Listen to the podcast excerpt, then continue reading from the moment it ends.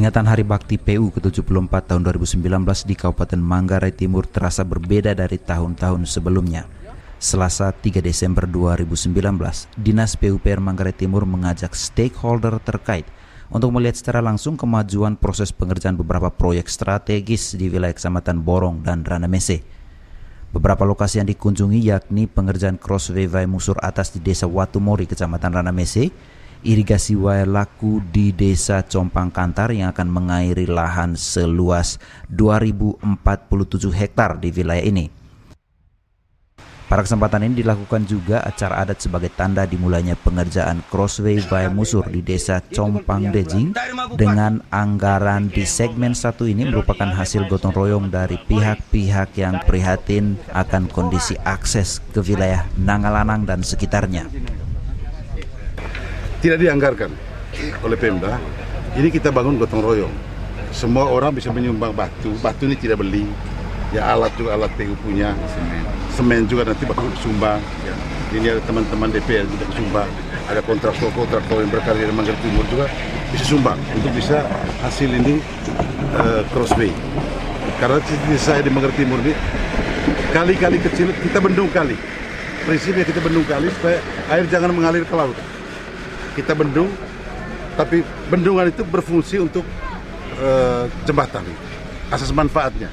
Daripada kita kalau kita bangun jembatan ini, ke sana panjangnya dianggarkan sekitar 75 miliar.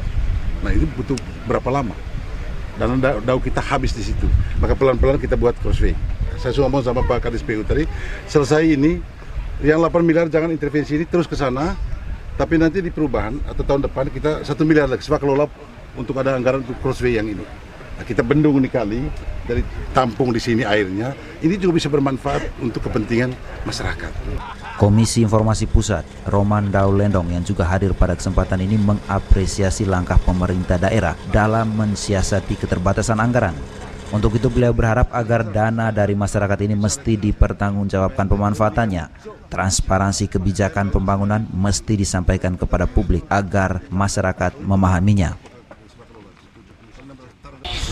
ya sumbangan masyarakat itu juga kalau dalam undang-undang ini termasuk yang harus dilaporkan. Saya kira ini satu contoh yang baik. Ya, ini inovasi, ini kreativitas yang baik dari Pemda Manggarai Timur bagaimana kita menerobos kebutuhan-kebutuhan. Negara itu akan kuat kalau rakyat berkontribusi.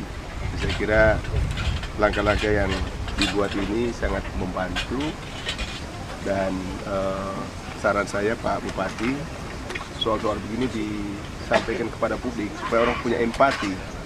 Kadang orang berpikir bahwa kita uang terlalu banyak lalu bisa gunakan ternyata memang kita punya anggaran yang uh, terbatas. Jadi ini bagian dari akuntabilitas pembangunan bagian dari transparansi kebijakan-kebijakan pemerintah dan kami dari Komisi Informasi Pusat maupun dari provinsi sangat mengapresiasi ini.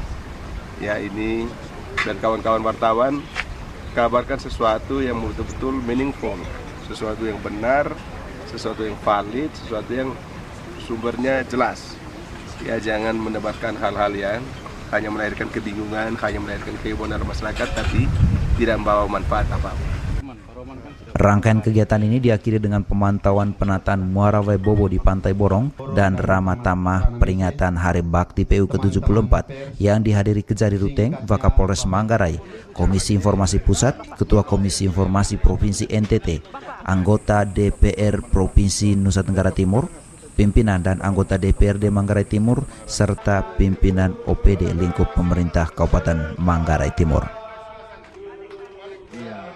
teu papai ¿sabes?